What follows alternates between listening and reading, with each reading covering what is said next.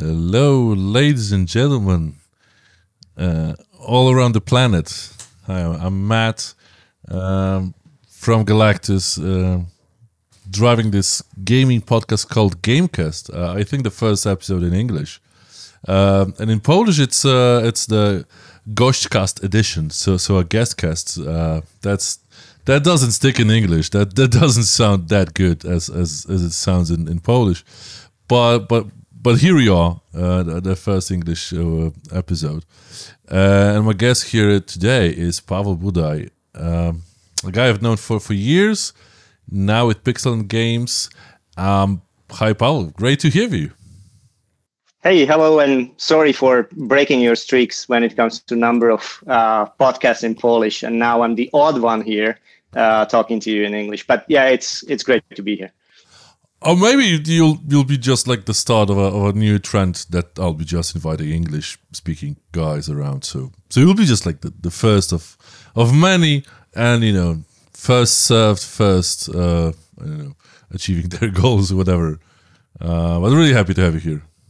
Yep, and thank you for having me. I mean, we we talked about this uh, multiple times, right? And we never kind of aligned when it comes to the schedules because you were doing other stuff i was and uh, finally finally i'm here. Yeah it's uh it's been a while. Uh i've been running the podcast since uh for a few months now so so it's it's, uh, it's been a few people already.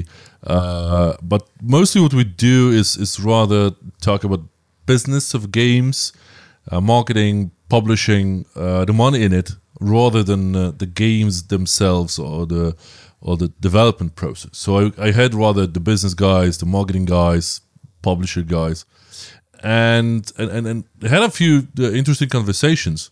Uh, but but you're the guy that kind of you know uh, breaks the curve, so to say, uh, because you've been in a in a few places already. Uh, I think you, you you're probably one of the uh, most interesting guys. Obviously, that's that's for certain. But then again, on the like type of different places that you worked at, I, I believe you're you're probably the most interesting person with with uh, the most versatile versatile versatile um, experience over the past, as I've seen, twenty years in in game dev or gaming industry in general, right? Uh, I stopped counting, right? Uh, I really, I, I did. I really your, your LinkedIn did count a bit. I really, I really don't know, but yes, you are uh, absolutely correct. Um, there has been multiple career changes, and while I was uh, waiting in uh, for for the podcast to start, I was just thinking about like what will Mateusz will kind of uh, when it comes to I don't know like toughest decisions or something like that. I would start with that because uh, entering the games industry was the easiest thing to do uh, it was literally the easiest thing for me. I was started as a journalist, um, and then obviously I uh, I changed uh, because journalism is not that well paid.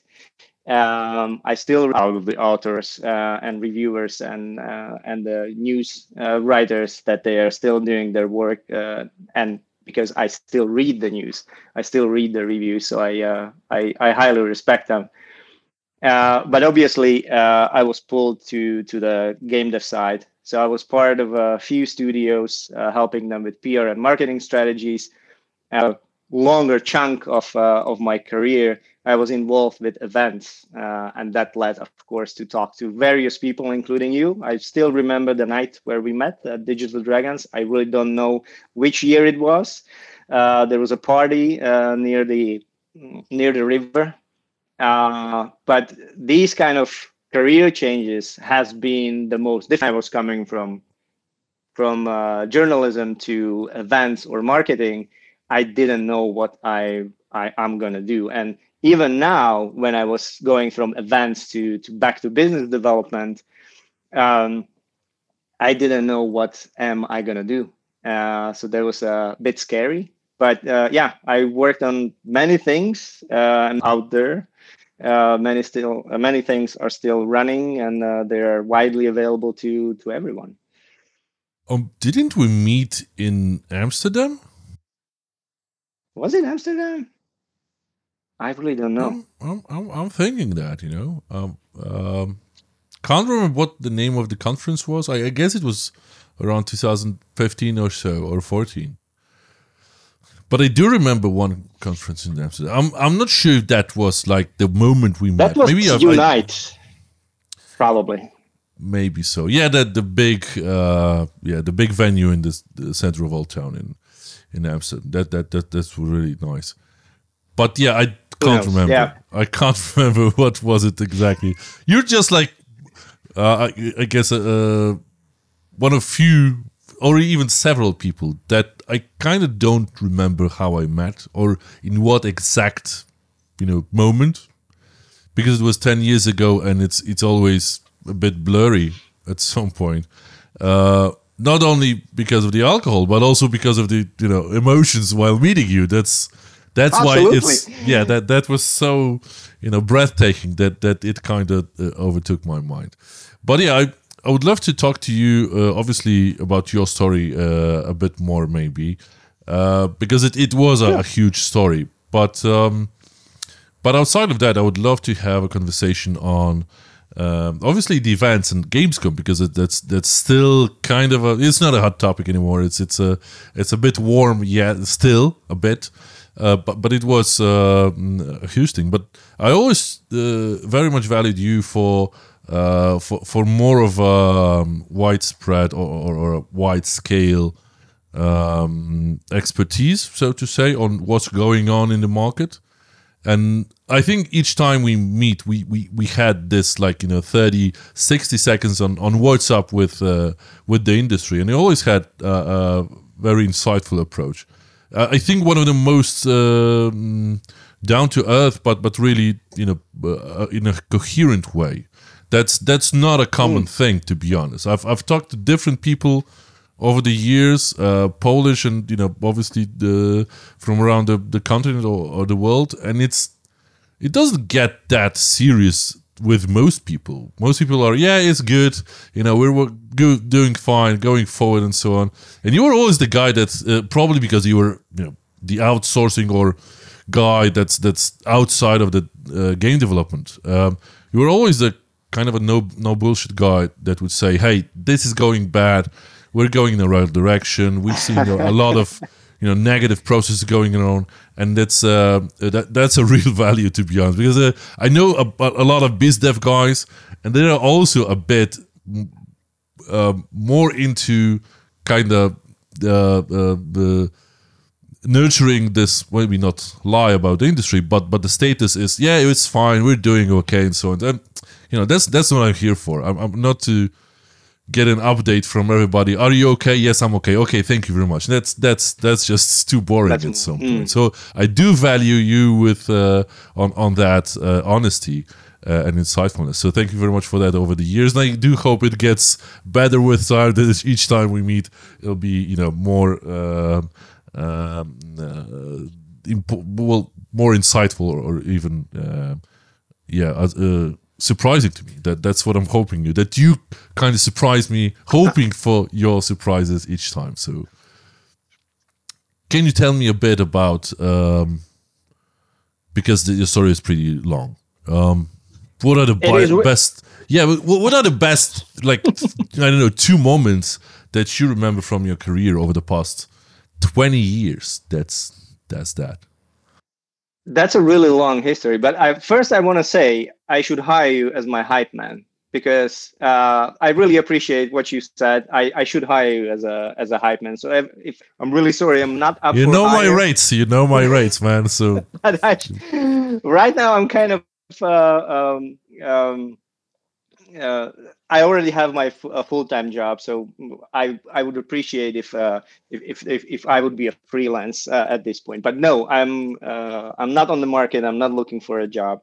Uh, and thank you for the honesty. I think the OBS kind of attitude comes from uh, comes from journalism, right? And whenever we were not researching, but because at at the beginning, uh, usually you are relying on the sources from the West, right? There was GameSpot, there was IG, and I don't know, Blues News, Worth Playing. Maybe these websites are no longer there, but they were really, uh, really. It was more or less kind of figuring it out how you can actually put together a story so you are con- trying to connecting the dots, and, and especially when you are in a in a country like Slovakia, where I am actually currently. Um, uh, it's really hard because you are competing with the big guys on the west, and no one at that time uh, cared about Slovakia, uh, cared about the Eastern Europe. Like, hey, you are some online magazine, I don't know, covering games, and we're not going to send you anything.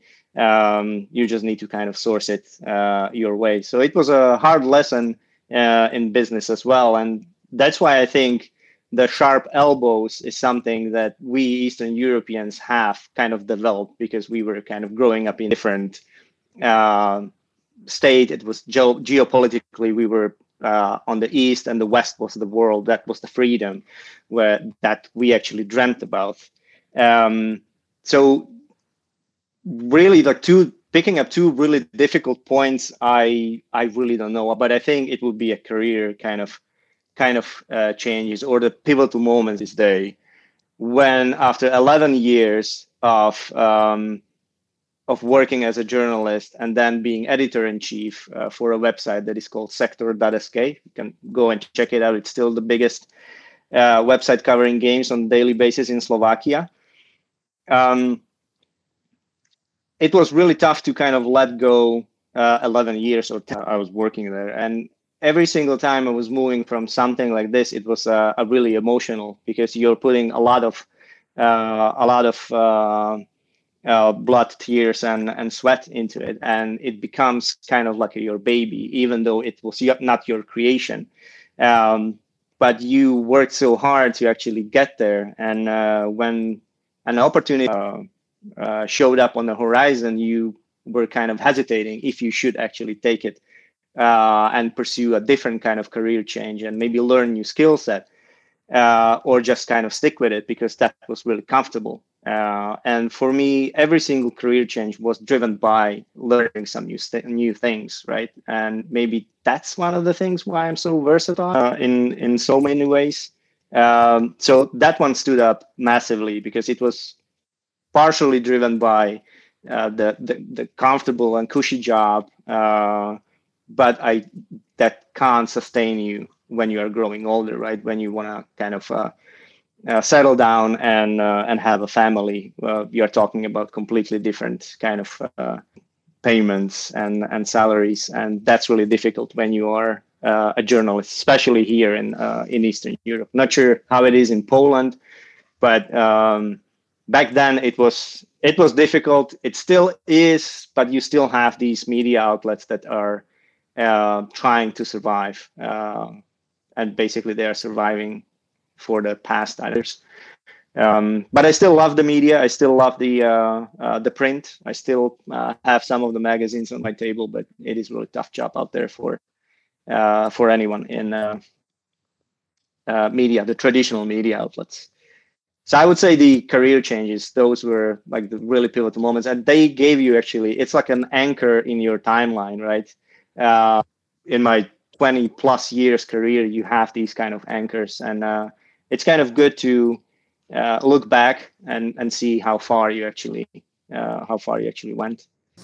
What about reboot? Did you do you have like the the, the, you know the top tier moment of of uh, of doing reboot over the years? Because I'm I'm guessing that that might have been uh, some form of a you know bright star on the horizon of your uh, of your experiences over the years? Reboot is really interesting, and for uh, those of you who are listening and they're kind of wondering what Reboot is, Reboot is a media company in Croatia, but um, the the the kind of a grand jewel in the uh, in the portfolio of Reboot is Reboot Develop Conference, where uh, I helped since the second edition in 20, 2016 or 2015.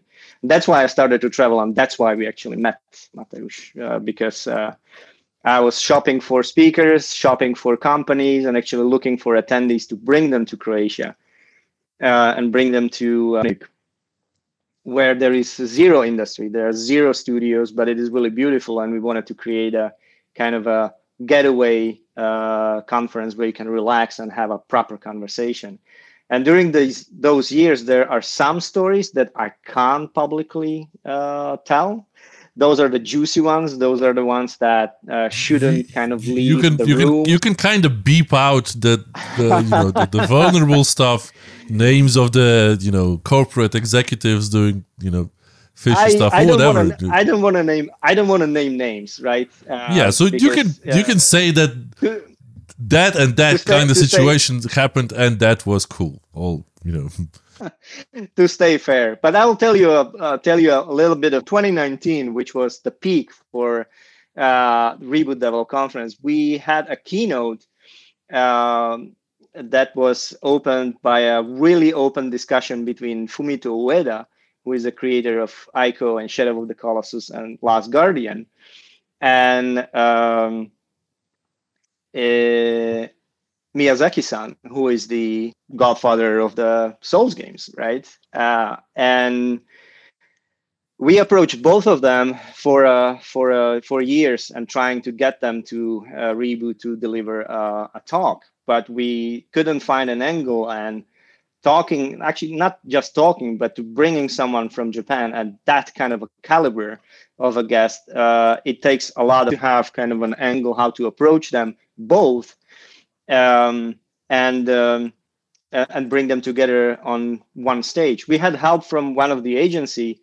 but uh, wh- how we brought them in uh, was because we kind of lied to them, uh, and we knew that Miyazaki-san is a massive fan of uh, Ueda's work. They kind of respect each other as authors, but they never had um, a conversation like we usually have on meetups or you just call someone like hey let's go for a dinner and you just discuss life you discuss your work and maybe some challenges. In japan it's different right? They are really reserved they are really um, kind of closed with this and ob- obviously they're not going to be talking about emotions with strangers. So we said to Ueda that he is kind of interested but he's shy and he needs to be kind of pushed um, to actually agree. And we said the same to Miyazaki-san. Like, yes, we talked to him, and they are shy. So we were kind of mediators uh, in this, and then they met in the middle. Uh, and we were until the last moment we didn't know something like this can happen. So in, they were both on the stage. Um, there is a recording, but we can't actually release it. Uh, From Software put an NDA, an embargo on it. There was some Miyazaki was talking about um, Elden Ring at that stage, and no one knew about that Elden Ring uh, before. I mean, it was not named that it's going to be Elden Ring, but he was talking obviously his next game, which at that time was uh, Elden Ring.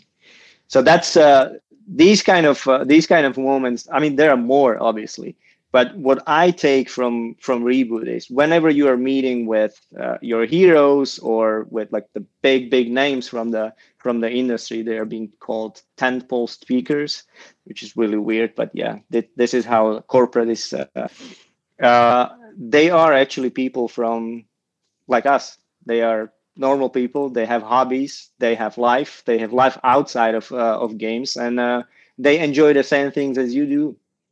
Good food, good conversation, maybe a nice uh, glass of wine, and uh, that's why it's kind of maybe even much more easy to uh, talk to these guys when I'm approaching them. So I'm not kind of starstruck uh, that they are, I don't know, Warren Spector or Fumito Ueda, right? So yeah, it's uh, it's like this, and because of these conver- these kind of conversations and relationships, you are sometimes being invited to various events, uh, social events when it comes to dinners or lunches. It's much more easy than to kind of, uh, which I'm really really grateful for that. Thank you very much for that. It, it- nice story, although we didn't hear all. Like, send me the video and uh, I'll, I'll I'll tell everybody later on uh, how was it. But uh, but I know that that you guys had a few moments on reboot. Uh, that that there was uh, uh, the G2A situation on on on I don't know which year was it.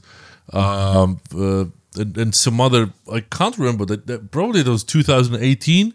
What was the huge uh, that was leak or that was uh, a form of a an open discussion on one of the panels in 2018 that also got a bit public that uh, that you hit uh, Polygon or whatever? I or can't remember what was the situation. I sorry didn't didn't research that back, but I I do I do know that each year you had some huge, um, what's what, what how to call it, uh, maybe maybe not a crisis, but uh, but a, but a defining moment.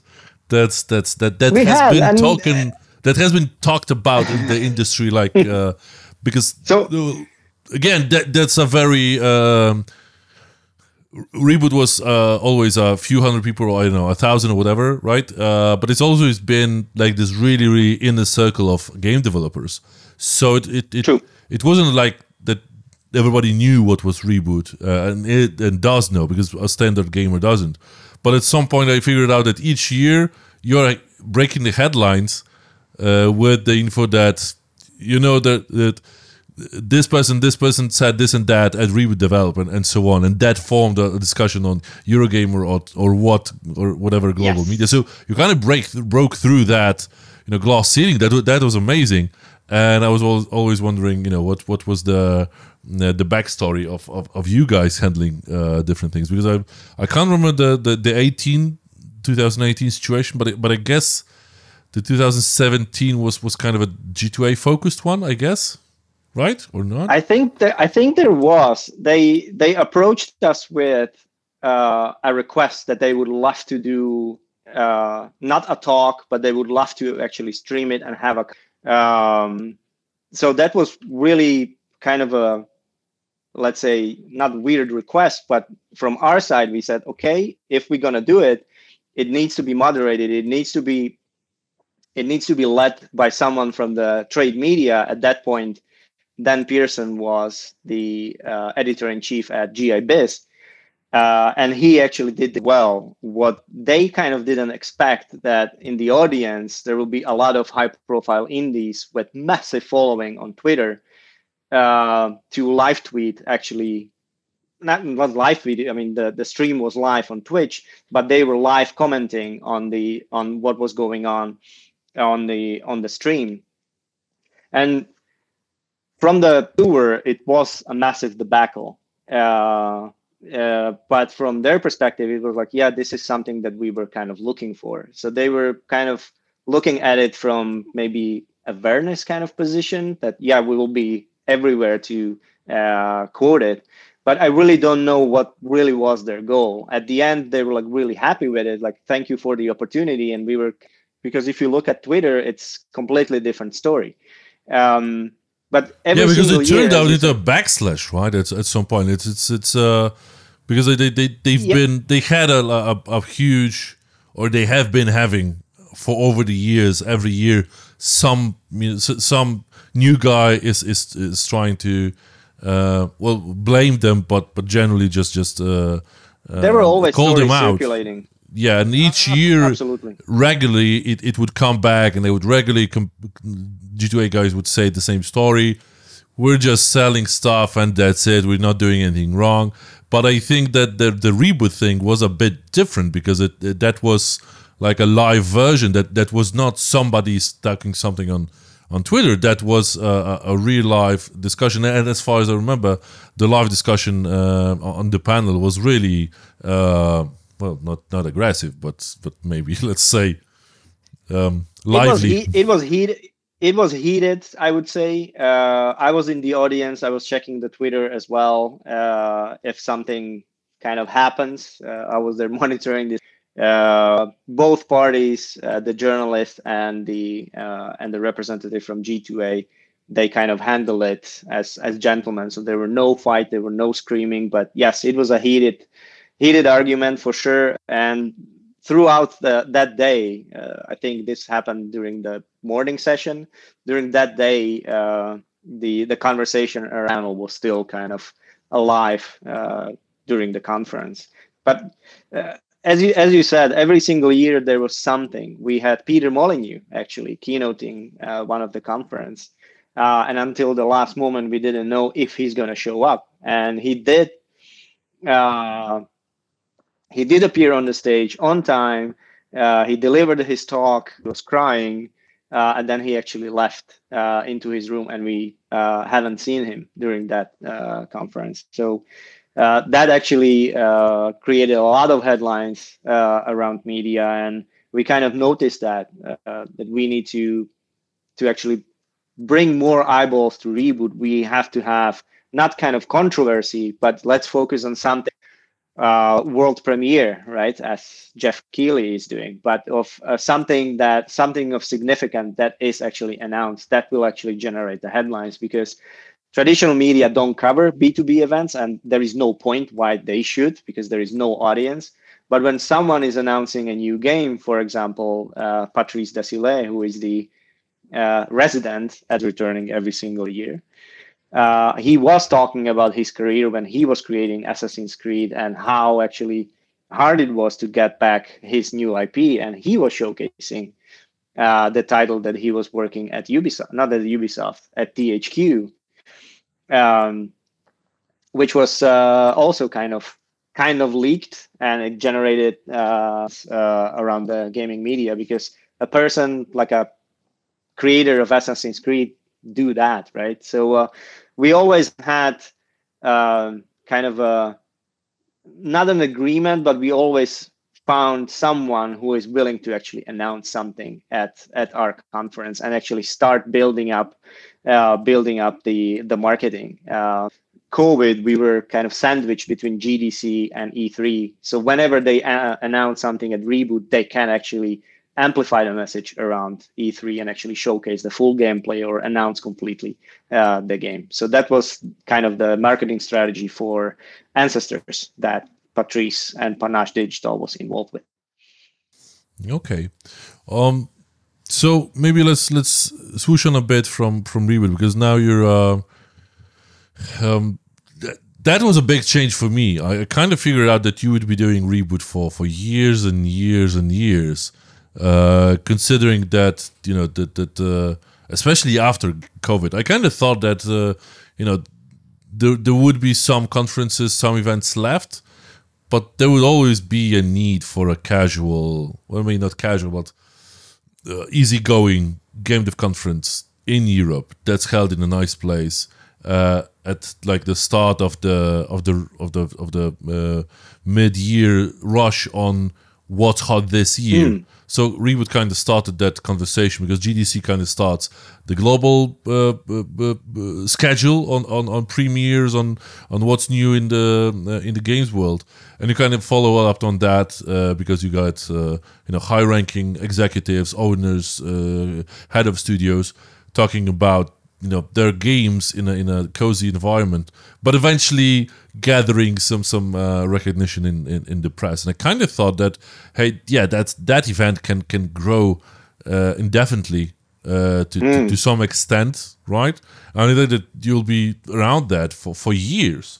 So that was a bit of a surprise to me, really.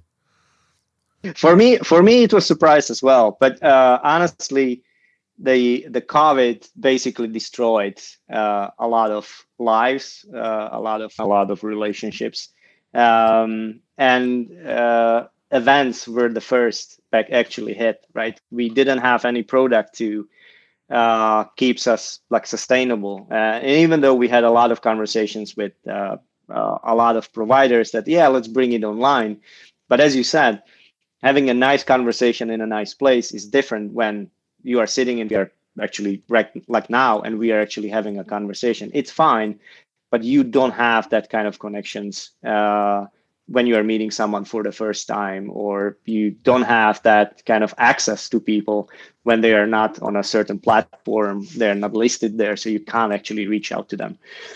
Um, so uh, immediately after after clear that we can't actually replicate that. And even though we had some of the ideas on the table and we played with some of the concepts let's bring it back in some kind of a fashion. Let's have it i don't know just focus on let's series of talks or series of panels and that's going to be it.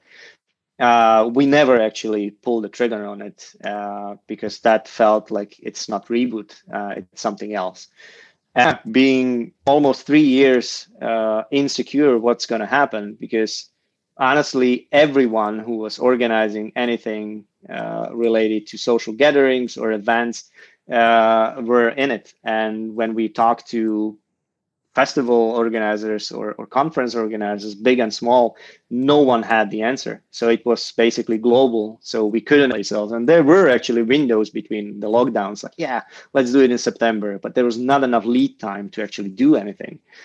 Uh, so the amount of stress uh, well, accumulated and uh, on the horizon there was an opportunity uh, for me that uh, was too good to be true and uh, i kind of reached out and it was changing my life and i'm really really happy for that that i took the took the jump and i still love reboot I'm still gonna be there every single year i'm still part of uh, the team as an advisor. So if they need me, then uh, they can consult uh, and actually point fingers uh, to to companies and make connections. But I'm not involved on uh, a day to day basis with uh, organizing it or running it. Still there, it's still part of me. Uh, I still want to be there, uh, but there was an opportunity that I like to kind of pursue and develop my new skills, right, and, and and find new paths. So I think this was you're not the only one who was kind of scratching his head like ooh why did he jump ship what is going on but um nation of uh, of uh, of everything and they like running events for anyone who is listening out there running events is the most stressful job in the world uh, you're working with people you, you're working with so many uh, things out of your control that's uh, actually gonna bring a lot of gray hair uh, and uh, and a lot of a lot of stress. So it's trying to pursue this this career. Like good luck with you and uh, kind of uh, brace yourself. It's it's an adventure. Yeah, I know a thing or two about that. I, I guess uh, most of the guys in Galaktus too, uh, since we've been doing that for for a while now, and and yeah, events are tough. So so thanks for that. Uh, what about uh, Gamescom when we are at, uh, at events? Uh, because it's oh man. Yeah, that's that's the case. I, I think from from Gamescom, I would love to go through like like the bigger analysis on on on what's up because the I think you're still more of an uh, you know uh, wide scope guy uh, that that you know who handled. Mm. Yeah, you were focused for years more on the global business as it was. You know, who's who, who's growing, who's this and that, and and you're probably more focused right now on, on your current business, current company, on PixelAnt, and and just moving that forward, um, w- which is fine, obviously. But these are two ways of thinking of on your regular tasks and and and the news uh, the global news, you treat them differently in those two different positions.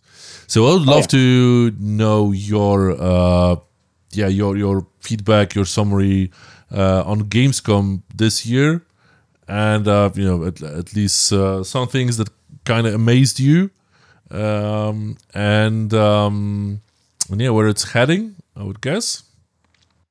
Oh yeah, Gamescom it is the biggest games industry event, right? It is changing bit by bit. They're introducing different, they're renaming the halls. So there is entertainment, there is esport, there is cosplay, uh, but it's still heavily focused on games industry. And I think Gamescom is an anomaly.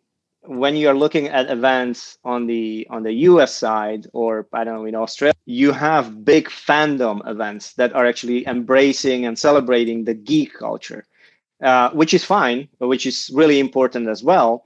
Um, but Gamescom, it is solely focused on games. I mean, they might actually add more kind of components uh, when it comes to the content to bring in kind of even more people. Uh, but it is still it is still uh, recognized as uh, as a, as the biggest games industry, which is uh, I think they have three hundred and twenty thousand visitors, yeah. which is yeah, yeah. which is massive. Well, we'll see how Tokyo Games Show uh, turns out this year because I think each year it was kind of kind of a bit bigger than than uh, than Germany, than Cologne. They were they were neck to neck. I think there were a few, maybe five, six year than Gamescom, but then Gamescom overtook them. Uh, and and the last uh, Tokyo Game Shows they were like shy away from three hundred thousand. So uh, they are below the, I mean, below Gamescom when it comes to number of visitors. Uh, when it comes to number of exhibitors and how many games are there, uh, I really don't know. I haven't looked into the numbers. Uh, and I'm really glad that you didn't ask him of the Gamescom because I was there for the full week and I played zero games. so I, Same I here. didn't have time. Same here. I didn't I didn't have time to to play, and I and I believe there has been uh, a really great amount of uh, groundbreaking games out there. But when it comes to like where we are heading or like where the uh, the games industry i've mentioned gdc uh, that's happening in march and usually gdc kind of kickstart the whole conversation. Where we are because it's also a big um, uh, big event it is uh, a fraction i think 10% of, uh, of of gamescom but it's still relying on b2b and there is a lot of business leaders there discussing where the games industry is going and since GDC with a lot of the consolidation and a lot of the um, M&A that is happening or not happening, um, the industry uh, feels like almost uh, stopped at a certain point. That yes, deals are still being made, but they are not that impressive as uh, as before. A lot of the investors and publishers are more uh, they are re uh, they are looking inwards and trying to kind of insource all the assets and resources that they have. Uh, for example, if they want to do, I don't know, like a co-production, or if they want to do uh, add additional services to um, uh, to a game from porting to to uh, localization or, or, or QA. Uh, they're looking inwards rather than outwards. So when it comes to money, it's still there it's not drying out, but uh, people are kind of reluctant to kind of start spending nilly willy like like it was before, right? Because there is a lot of lessons uh, to be learned from the Embracer situation, um, and there is a lot of eyes uh, on the uh, Activision uh, as well, right? Some of are saying that yes, it's already done, and it's just a matter of time when they will announce it. But until they do, we are in kind of a stall that we are moving someplace, but we don't know where, right? And obviously, you have the traditional topics. Uh, I mean, traditional, uh, really widespread in the media, AI, right? Uh, it is a massive topic. It is a really important topic. How we, how we as a games industry will embrace these tools, how we will actually use them ethically, and how we will use them uh, to speed up the production uh, or actually create new stuff, right? So there is a lot of uh, positives and negatives uh, there as well. There are studios and, and and and companies that are using it and they are uh, applying it to various stages of I don't know ideation or creating kind of a dialogue structures. But there is still a lot of uh, a lot of human uh, human touch involved in in the final product. Uh, so we don't know where we will actually be in a, in a year or two when uh, uh, when these tools develop, and they are developing at a rapid pace.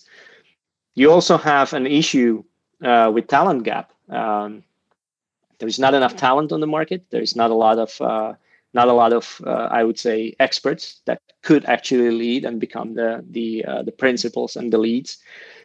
maybe in a short why, why did why the gap happened in the so this is something that uh, just uh, I have been in discussion with various big companies. They employ uh, hundreds and hundreds of uh, developers, and we don't know. Uh, it's there is a lot of uh, there is a lot of factors involved in it. one of them being that maybe the younger generation doesn't want to take responsibilities, or they don't want to actually kind of take an extra length. One more hour to my day, and I will devote to learn a new skill. I'm not trying to say like, yes, you, I'm pro crunch or anything like that. No, I mean, it's more or less kind of not just focus on the task at hand, but to kind of see it from a bigger picture and uh, and kind of understand that you are part of a team and not just like a one kind of a uh, a solo um, uh, a solo employee uh, working on on everything. Uh, so there are mu- multiple factors, but what at least what I see and, and what I kind of understood from the conversation, this talent gap is going to be uh, deepened in uh, in coming years uh, from from the new graduates, from the from the new talent that is uh, joining the joining the studio. There is, I think, lack of kind of not self-esteem, but more or less that they are not humble and they want everything to happen to them in an instant, right? Uh, um, to have yeah, a higher salary for yeah, but isn't that just like part of the you know uh, being conservative and always kind of uh, yeah saying that it used to be better in my olden days and now it's worse oh. and so on and so forth because it's you know it's the thing is that the the the uh, the change of the industry that happened over the past 20 years or, or like you know revolution so to say it uh, yeah. it kind of happened in uh, in most of the world maybe not the us that much uh, but but uh, a bit too is that the business got professional finally. Oh yeah, abs- after so absolutely. many because after absolutely after, I don't know the 80s and the 90s uh, uh, in the early 2000s so for 20 30 years it was still a kind of a job. It was a job to some not to all. Oh yeah. And and most of the people em- employed kind of accepted the not non full employment terms because you know that that was the case because you would rather do that and and get paid less but do the thing that you really love and and let's be honest it's just a really crazy and fun business to be at no and and uh, to some Abs- extent absolutely absolutely and and now there, it changes no, now no... now there are needs to we need rules we need to get out uh, out of the out of the uh, well crunch culture that that kind of changed oh, yeah. things up but then again, you know, I, I see it uh, the other way around is that once we professionalize, we need to have a, like the standard uh, approach to working. And then again, you know, like eighty percent of the of the worth of the business is still generated by the AAA guys out there. Oh yeah. That oh, yeah. not and, to not to mention the, mobile industry, right? And all of that in all, all of that industry is like the, the the, the biggest issue of the industry because that industry or the part of the industry uh, you know is, is not going the creative way it's it's it's uh, it's it's haunted by dozens and dozens of of different issues well rather structural ones and, and also like the perception of, mm. of of work and creativity because it's just hardcore corporate uh, not slavery but it's really really close to it because that's whatever we heard about, you know, Blizzard or Electronic Arts or, or uh, oh, yeah. practically anybody and everybody. So the corporate gaming industry is just really, really uh, kind of difficult to accept in in what should be a modern uh, industry that's run on creativity, right? And and and let's be honest, we do have a bunch of crises going along, and, and probably the, the the the hiring gap is out there, but it's it's let's be honest, like the the top tier companies driving most of the money in the industry, they're the they're they're, they're, they're uh, the biggest slower of the industry, and have not been in a uh, well. We have been in different places, but they, they are going through a, a complete crisis. Uh, Games in, in, industry as, a, as a whole, I think Gamescom kind of shows that Mm. They have that we've got we had a- Xbox and a Nintendo being on on the floor. So if somebody tells me that Electronic Arts earns gazillions of dollars on on FIFA, and they're kinda not able to have a booth at Gamescom, that's again I I I told that I spoke on that last year, and I'll tell again. Uh-huh. That's just that's just appalling that they can't I know, find I know what you mean. a million euros to run a big FIFA event or whatever the game is called right now because I don't really care that much. That's no, it's, a, it's not, that's a problem of the yeah. that that's a problem of the AAA guy uh, game guys, not not anybody else to be honest.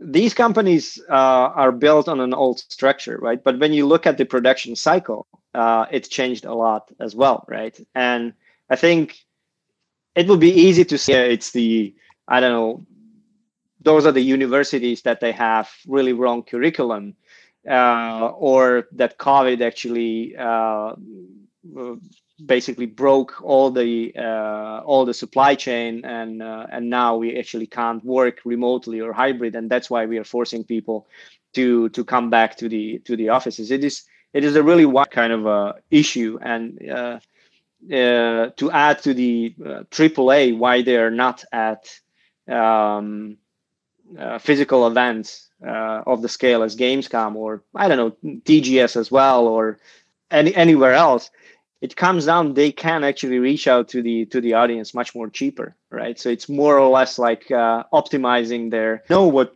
uh, what you are saying. And i'm on your side as well. I it's really sad not to see these big guys uh, over there right? Not to see uh, having uh, tournaments there or just showcasing uh, showcasing new games over there right ubisoft they didn't showcase Mirage, for example, Assassin's Creed, one of the uh, one of the top uh, franchises out there, right? probably because they are still kind of in a uh, dealing with the uh, uh, Microsoft acquisition. So yes, I would love to see more and more big booths and big kind of presentation because it's it's part of the industry, right? It's part of seeing flashy and really loud kind of presentation and uh, we are moving at a rapid pace that these big companies can't actually uh, react to the uh, to the changes that quickly. Uh, that's why they feel like yes, they are old school or they are like uh, old structured. And uh, I'm not trying to defend them, but turning a company that is employing thousands of people is much more harder than a company that has hundred developers in house. Um, so it is it is a widespread issue and just say like where we are going it's it's really it's really hard to kind of put. And just the other day i was uh, i was uh, reading some old magazines uh, that i have here on my uh, on my shelf. There was a prediction of like where the where the game development uh, scene will will will will, uh, will go in 10 or 15 years and predictions that we will be controlling the games via voice and via, via eyes just like yeah didn't happen we have one controller which is standardized and we are playing all the games with it. So uh, it's gamescom is really important i would have i have to say. It's really important. It's really important for the business. It's really important to see what others are doing and obviously to meet uh, these people brain where they are because the whole games industry is going to cologne every single year. And i think the next year is going to be even bigger. So uh, if you are kind of hesitant you should be actually there Let's hope uh, Electronic Arts are there and Blizzard and well, Sony. Let, us let's, let's hope because they uh, the organizers showed and they put massive effort into this edition compared even to the last one that no one believed it would happen. And uh, last year it felt like yes, it's back. But now this year's edition, 2023, was like yeah, this is this is Gamescom. Uh, and you should actually be here. Otherwise, you will miss a lot of things. So I do hope it sends that kind of a message, and uh, companies that were kind of throttling the marketing and events budgets, they will start to. We should actually be present. We should actually have some activation there um, and uh, showcase uh, our brand and our new our new projects. Okay. Um, thank you very much for for the summary. Um, because I'm, I'm uh, have you seen some like widespread I don't know piece editorial media outlets kind of summarizing Gamescom? Um, maybe not on a games perspective because uh, it showed a lot of games, but it kind of got focused, I think, way too much on Starfield. Uh, that that's I, I wasn't expecting it that to be Starf, Starfield centric mm. because it it, it felt kind of that. that. Was it, or is it just my uh, my vision of it? I uh, I pre-ordered Starfield, so for me it was like, yeah, once I return from Gamescom, I'm gonna start playing it, uh, the early access version, um, which is which is amazing. I managed to play some hours, but I didn't have um, it is uh, Starfield focus. Starfield was missed actually at the uh, at the at the booth uh, at Xbox. Yes, there was a theater. They were where they were showcasing something, uh, and there was a. Uh, I think one of my friends. I saw it in in the newsfeed. Uh, he created kind of a mock-up of uh, of uh, Yeah, future I know, I know. Microsoft stand where the uh, starship was hovering around uh, above the people. Like this is how Microsoft booth should look like, and not the one that uh, that was there. So uh, yeah, Starfield was definitely a topic, um, especially that the embargo was lifting shortly after.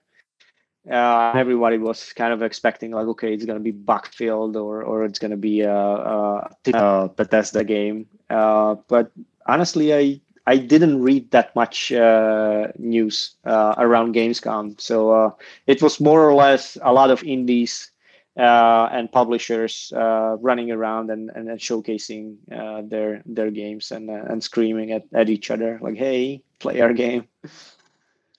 Um, what do you think about the mm, again, maybe not crisis, but some Mm-hmm. form of it uh, of publishers, meaning rather the the mid-core ones, because I've I've uh, uh, I've heard a lot of uh, yeah feedback that you know that publisher is is is just closing you know few uh, a few uh, divisions and are laying off you know 50 people. And that publisher is doing the same and so on. And that publisher who kind of always had money for different ideas they now cherry picking and, and and have said that they they've come to gamescom to just pick one game that they'll fund Yep. until the end of the year because they're out of money.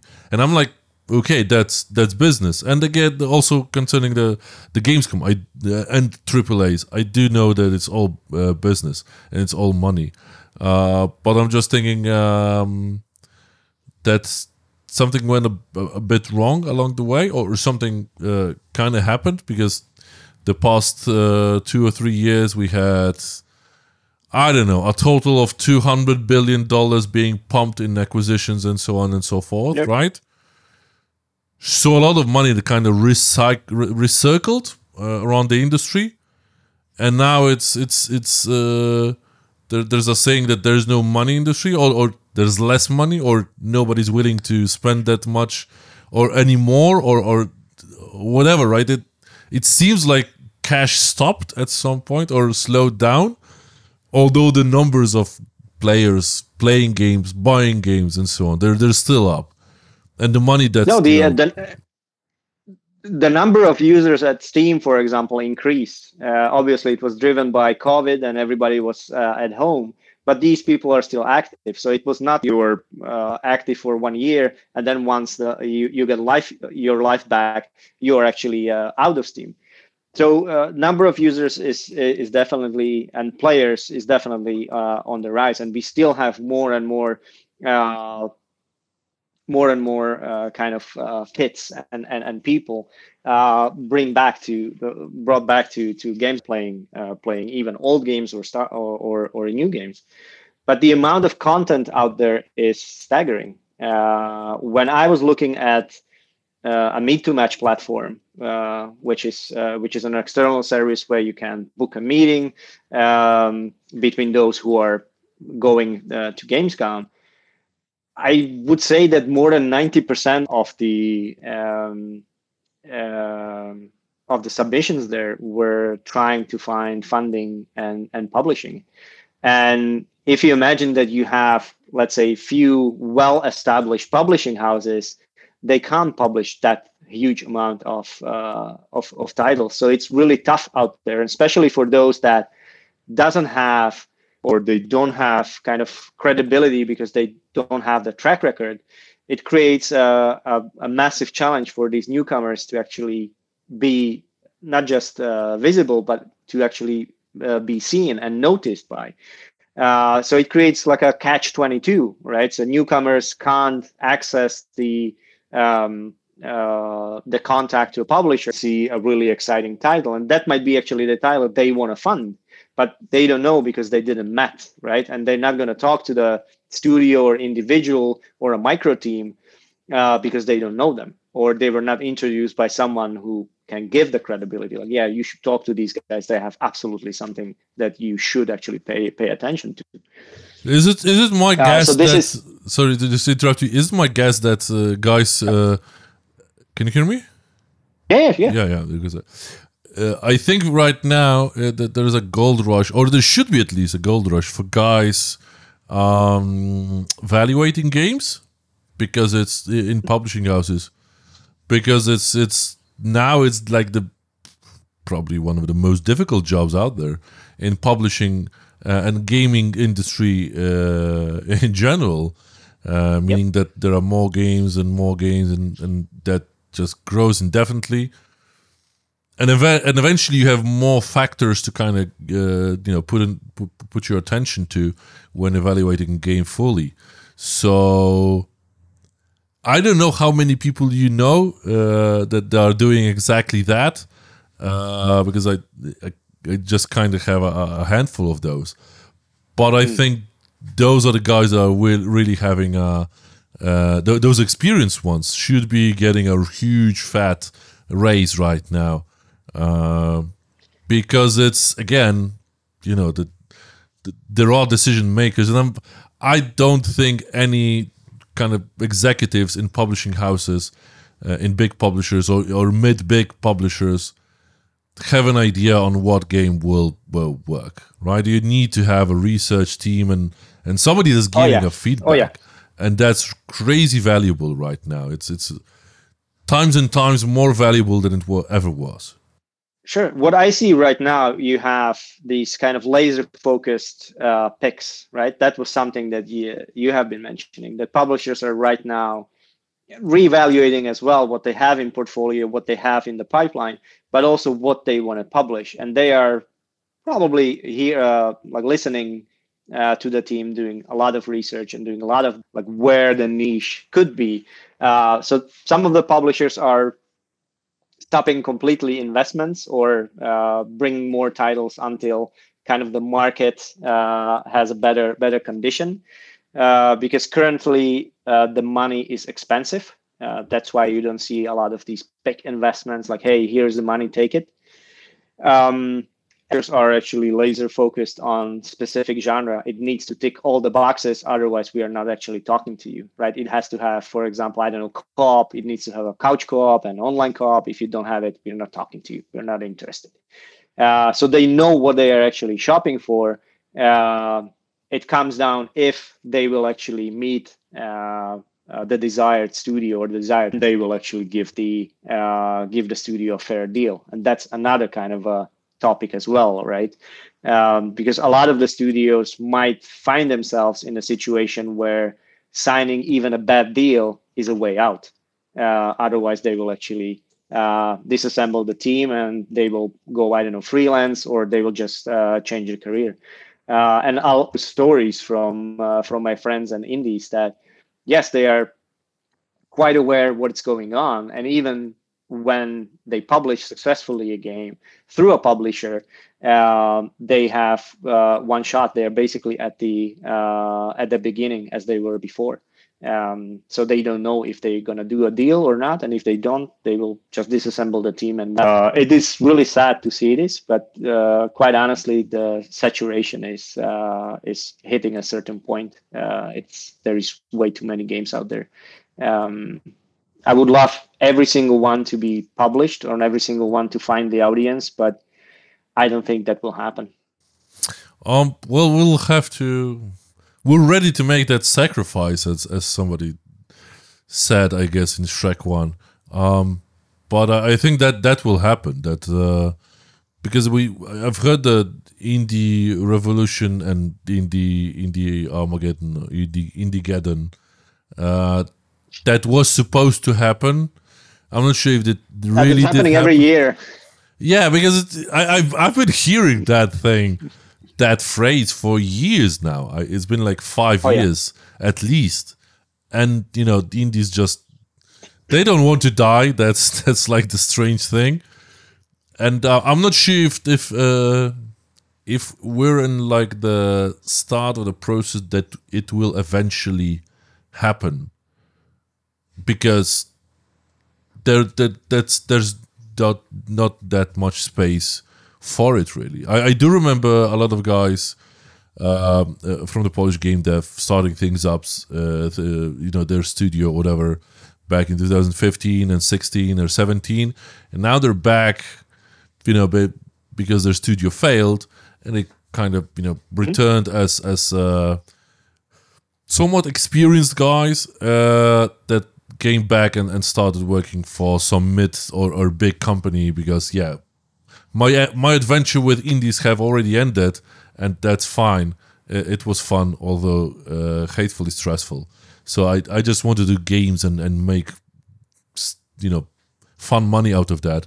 Uh, also knowing that it's it's it's uh, it's rather a, a high paid industry than a low paid one. So I'm kind of guessing if if if if that's not the, the, the case here, is that well obviously Gamescom was driven uh, to some extent by indies. The last year uh, was oh, yeah. too, this one too. I, I think it will happen the, the, next year or two. Uh, but I'm guessing at some point we will have some form of uh, maybe not mass bankruptcies, but but but a form of kind of limited limiting on on how many games are being created and how many studios are out there because it's uh yeah the, the stakes are getting the stakes are getting higher uh matt and you see it when it comes to budgets as well right so you have game 200 million or 100 million right those are the aaa and then you have games that are 2 million uh, and there is nothing in between nothing uh, and nothing uh, at, at the beginning. So this is where the, the publishers are actually looking at. Is it around 2 million or is it about 200? And that's it. So they are missing a lot uh, opportunities for sure. But their team outs or uh, or these uh, agents that are out there looking for titles, uh, it's not massive. It's always handful of people who are actually uh, going to events uh, and actually looking or actually going through the submissions that they are uh, being sent by indies. Uh, so obviously uh, you will make a mistake and not to actually pay attention to a million seller, um, even though you are massively experienced. So in this sense, there is a luck involved. So the stakes are really high, and every single year are going to be higher.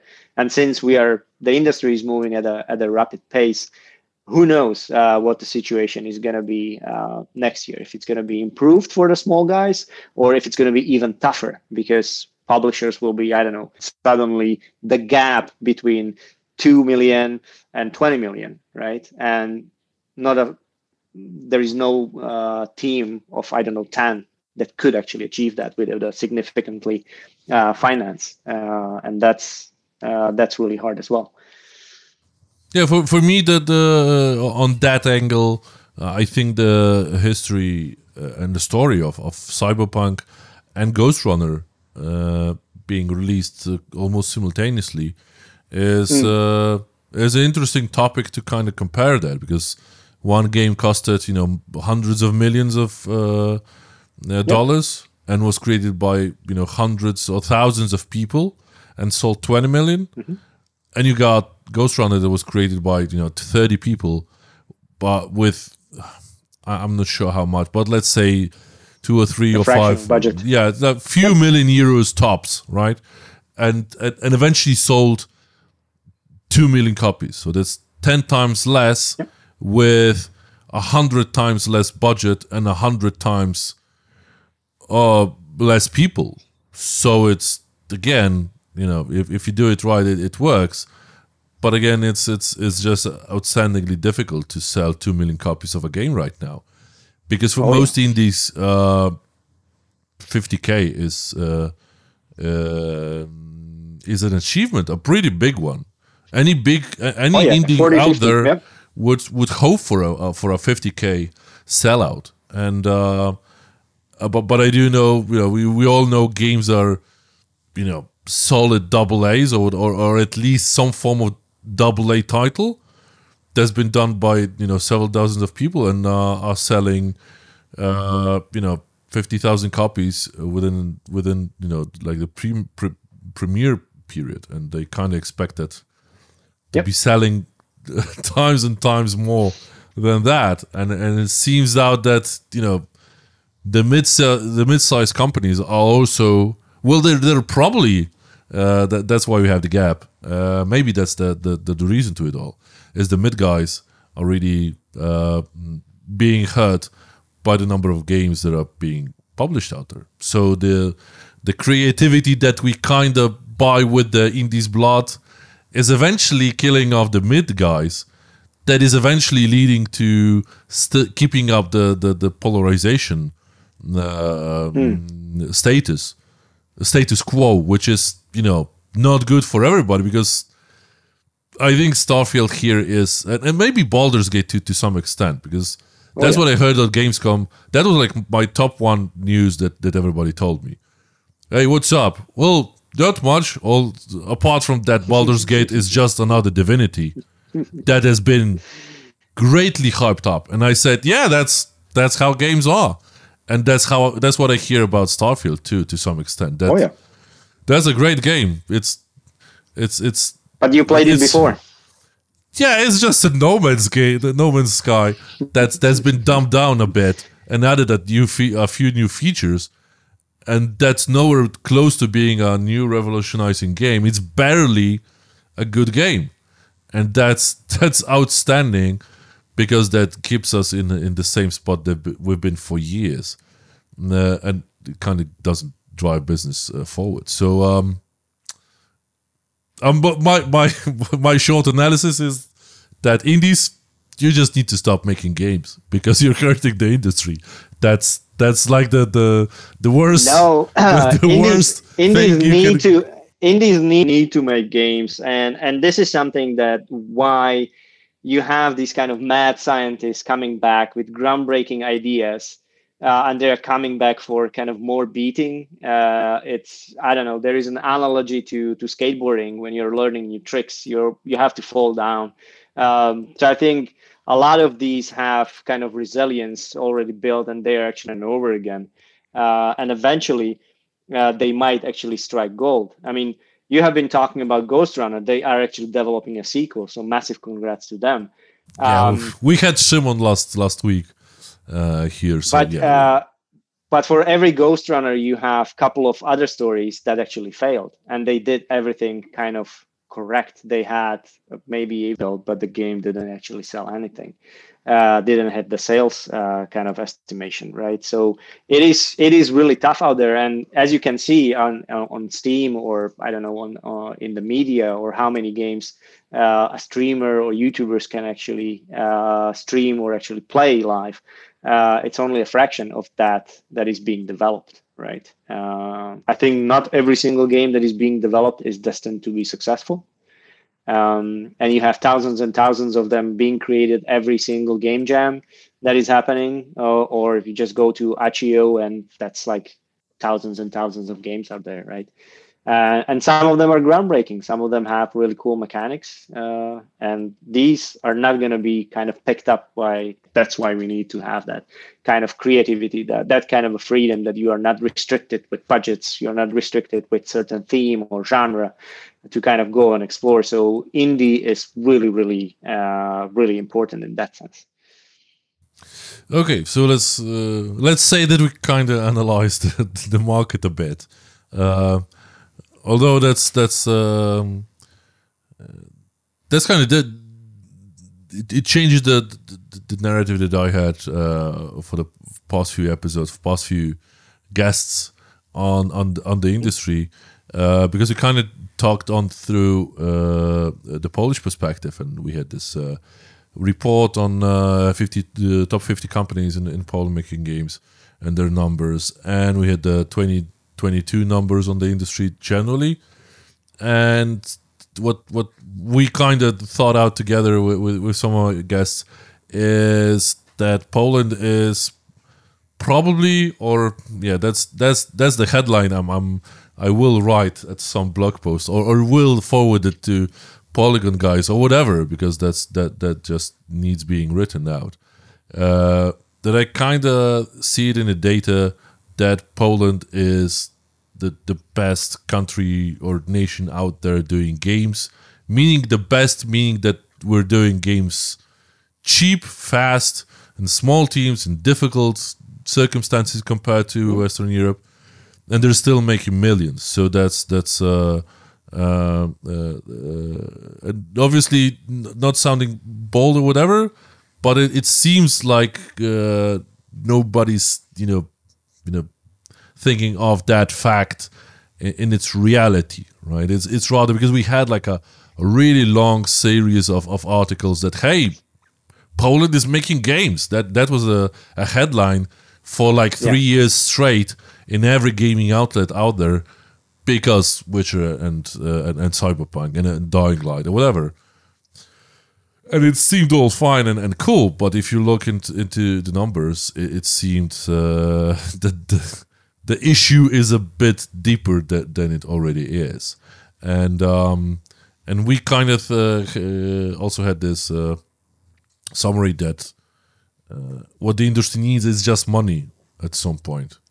Uh, mm. That's that's I, I, think that's that's also what Arthur uh, uh, Masakra has said uh, on PGA 2016 is uh, that Poland needs more programmers.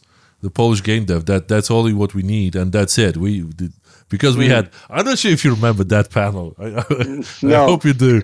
um, you because there was this event in uh, in Austria and you guys wanted mm-hmm. to have like this cooperation of uh, Central Eastern European uh, game industry. Oh yeah, that was the CE, CEGS in Vienna. Yeah, yeah, yeah, yep. yeah, yeah, yeah. So and and the PGA there there was a panel in Poznan that that you guys sat down um, with with Arthur being the representative of the Polish industry, and at the end of the discussion, he just said that Poland doesn't need anything, right? It's it's that that, that was like a seed from yeah. Matrix when they're talking when the machine is talking to Neo. We we don't need you. We don't need anybody.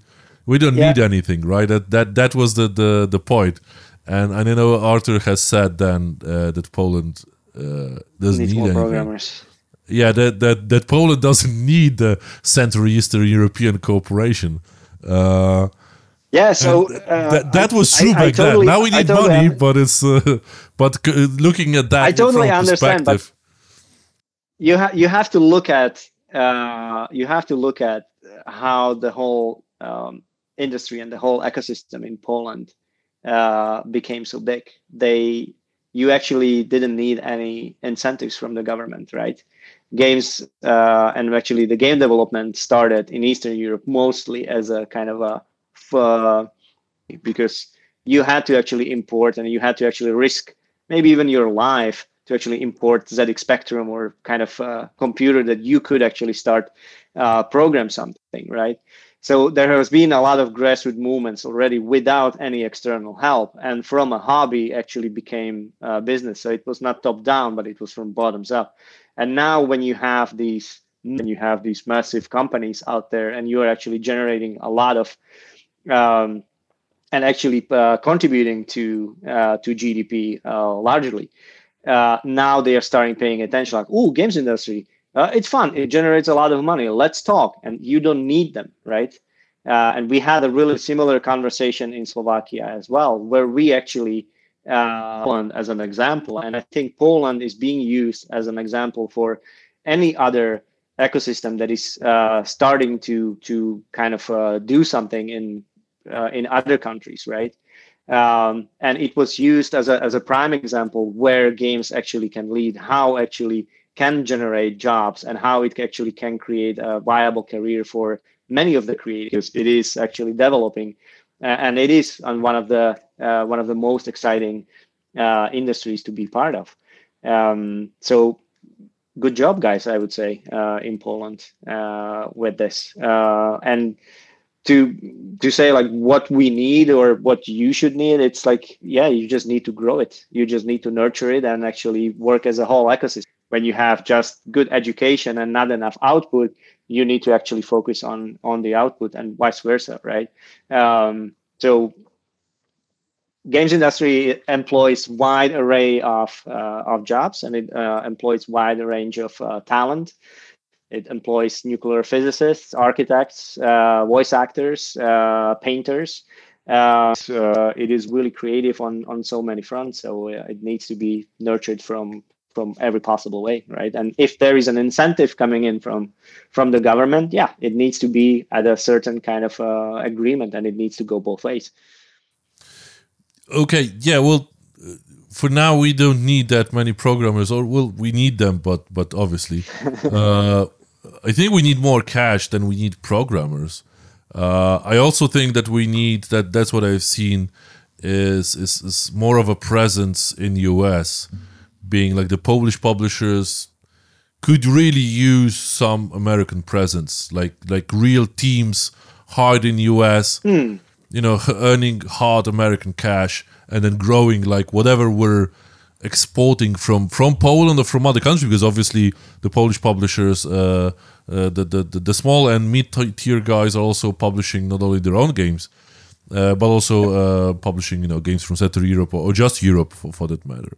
And I would love to see that happening uh, at some point. And I know it's crazy expensive and and probably probably will be difficult to, to pull through. Uh, but but I kind of see it as as the only solution to, to to kind of survive in that the, the environment uh, because at some point the AAA's will start uh, spending all that hard cash on Gamescom and whatever, whatnot, and wherever, mm.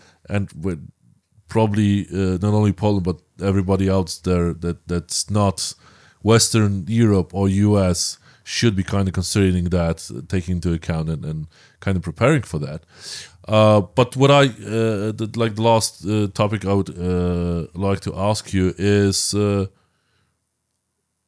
contradictory to what Arthur said a few years back that kind of Poland doesn't need Central Europe or you know wh- whatever form of cooperation that there might have been planned. Because eventually it didn't happen right? Because that's the the, mm-hmm. the federation or the foundation whatever that didn't happen.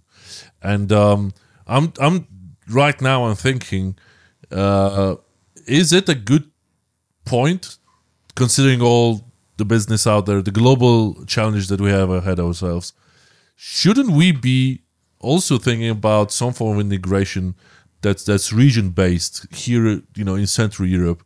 Uh, that would kindly. I know that some of the processes are already uh, uh, starting with with CD Projekt and Techland, uh, but uh, but I am thinking of uh, how can we help each other uh, with the region that we're at.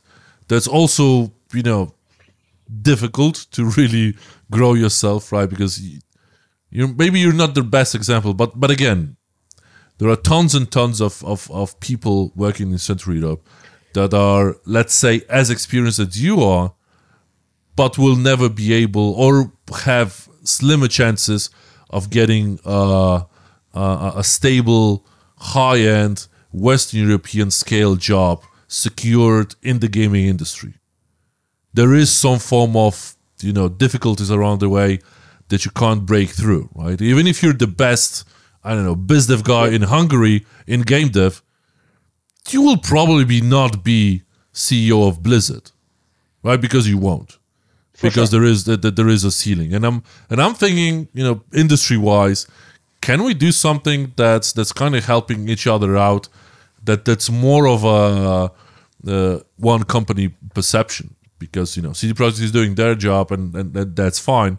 Yep. but I'm thinking more. Should can we do more? That's that's uh, because that's the question I really kind of met you a few years ago uh, because you you were kind of a, a, person uh, on the line of uh, people that I met that kind of thought bigger in in the industry and I would love to finish this uh, this podcast with with with the same kind of issue that we're dealing with 10 years later on right? because it's yeah it is really difficult not just a difficult uh, problem to to tackle because eastern europe is not a country right eastern europe is a is consisted with a couple of countries, and these countries have different political parties. They have different uh, priorities. They do have uh, obviously different uh, studios and different cultures uh, to actually align all of them into, let's say, a global kind of a alliance or whatever we, we will call it hypothetically. It would uh, uh, take a lot of a lot of uh, effort uh, into it. You have on a regional level, you do have associations that are not actually uh, that you have studios that are not part of, right? Because they do have slightly different opinion on certain either I don't know employees or certain CEOs that are running different companies that are part of these initiatives. Uh, so this is more of a kind of a political uh, a political issue. And then when it comes to the collaboration, a lot of these things are happening behind the scenes, right? So there is a lot of knowledge transfer because organizers are bringing uh, speakers from different countries. They are actually meeting representatives there. They're kind of sharing and maybe even kind of crying on each other's shoulders that they have different challenges or they have the same challenges but in different countries uh, so in this sense yes it is it is happening but i think you are thinking about like more kind of a uh, include maybe even universities uh, or to have uh, kind of cross-border uh, collaborations right? It's uh, i think countries themselves they are competing for uh, for job creations uh, between themselves right? So for example if in slovakia we will introduce tax reliefs it will be much more easy to a company and get let's say 25 to 35 percent back uh, on what you invested. Plus there might be some additional uh, additional kind of tax breaks. And if that happens then you have kind of a slightly an edge over the over the others right? Even though like the road to tax relief i'm not saying slovakia has it. I mean we are far away from that. We have uh, coming up and it, it's a big mess. But if that kind of uh, tool you have already uh, to to offer to to Western studios, then you can actually start bringing talent uh, this way, and then you are competing with Hungary. You're competing with Poland, right? Because why not to open a uh, an office in Slovakia and have few developers there and actually save on it? So, yeah, but but let's be honest. The the uh, Hungarian studio is it, it is competing with Polish studio, right? For for employees. Oh yeah, for sure. But in the in the in the end run, uh, it's not. It's competing with American, French, German, and Asian games to kind of be afloat yes. because whatever how many people you, you hire in the studio in the end they will come to a to a point that hey we can't find an, a publisher for our game because our last game although it was great yes. and done on you know with a great and creative team if even it would be mm. like the best game out there the most creative game out there on the planet but it was made in Hungary in Hungary with 15 people and mm. we, we sold 10,000 copies and nobody wants to give us money because they're plugging it to I don't know whatever is Electronic Arts or Ubisoft doing right now and focusing on that and they're focusing and, and the publishers focusing more on on French studios uh, or or you know American wonders or whatever right and it's uh in the long run we're kind of cannibalizing each other and and in the end because we kind of see it also in Poland that we still have like 10 companies that are top top 50 uh, that are doing pretty well, right?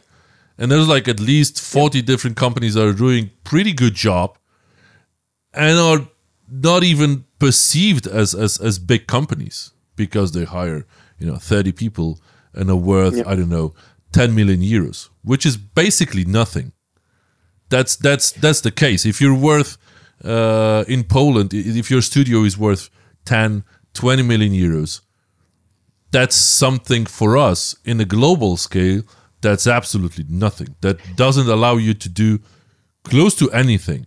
Because with that kind of scale of business, you can't really start uh, an American, you know, representative. Hire five American guys working for you and and selling your game, yep.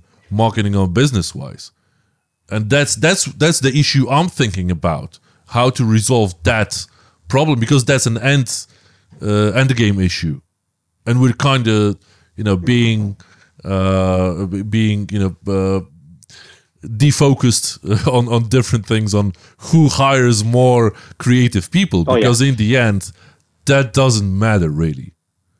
Or not to that you said something you said something there uh, which is super important, right? A lot of uh, Polish companies and and the, and the game uh, actually being developed in Poland, they are actually marketed to the to the global market, and not a lot of uh, studios, not a lot of companies are having that kind of mindset, right? So when they are developing, they're developing the game for their friends or I don't know, for a kind of a why their bubble, right? They are living, and that's a first mistake, right? Because games are a business, uh, and there's not going to be enough people, even if you develop something for a local market that could actually um, uh, finance it. Uh, I mean, there has been before a few uh, a few cases in Czech Republic and Slovakia as well when the market started to um, uh, to be kind of wide available and and and and, and being out there at that point right we are developing for uh, for bigger audiences and global audiences not a local ones right um, and we do not have that advantage that you could develop a game for i don't know just a tokyo region where you have uh, 10 million plus uh, people who could actually download your game and play it, right? So we are not in that kind of uh, uh, position. One of the, I think, uh, big mistakes that a lot of companies are doing, they're not thinking globally at all. Okay. Um. Yeah, it's been it's been a while. It's been a really nice discussion. Thank you very much for that. Well, I think we touched a lot of different topics. i will have to. I'll, I'll need to rehear our talk to kind of summarize the things because I, I already have a few ideas in my head. I hope it um, was useful. As always, man. As always, been a great pleasure. Thank you very much for for joining us. Um, we're not in that bad of a place in in, in the industry, I guess, and um, I would hope to meet you um, in a lot of different places in the next few years. Um, that, that's my guess. I, I am guessing oh, you'll be you'll. I think you'll be jumping ships frequently. Maybe not every not. year, every year, but I kind of I kind of feel that that you'll be in different places, and I'll, I'll see you. I'll see you in different places, and I, I would love to, uh, yeah, see you in in. Uh, uh, in, in the most surprising of places in the industry. So I do kind of uh, wish you that, although you might not Thanks. like it but but that's my guess for for the time being. Uh, so no, thank the- you for having me. And and I would like to add, like, if we sounded kind of depressing or we kind of no no no don't don't worry like.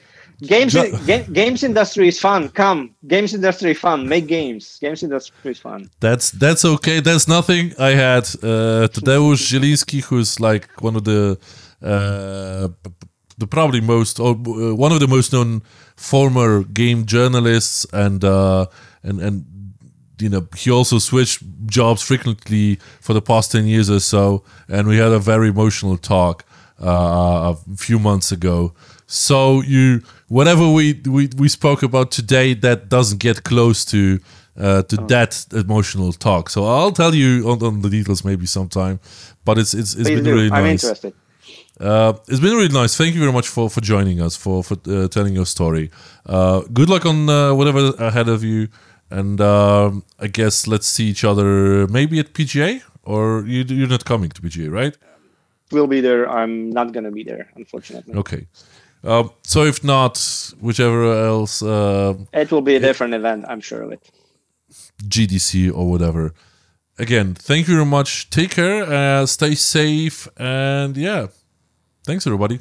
Take care. Bye. Yeah. Thank you. Cheers. Bye.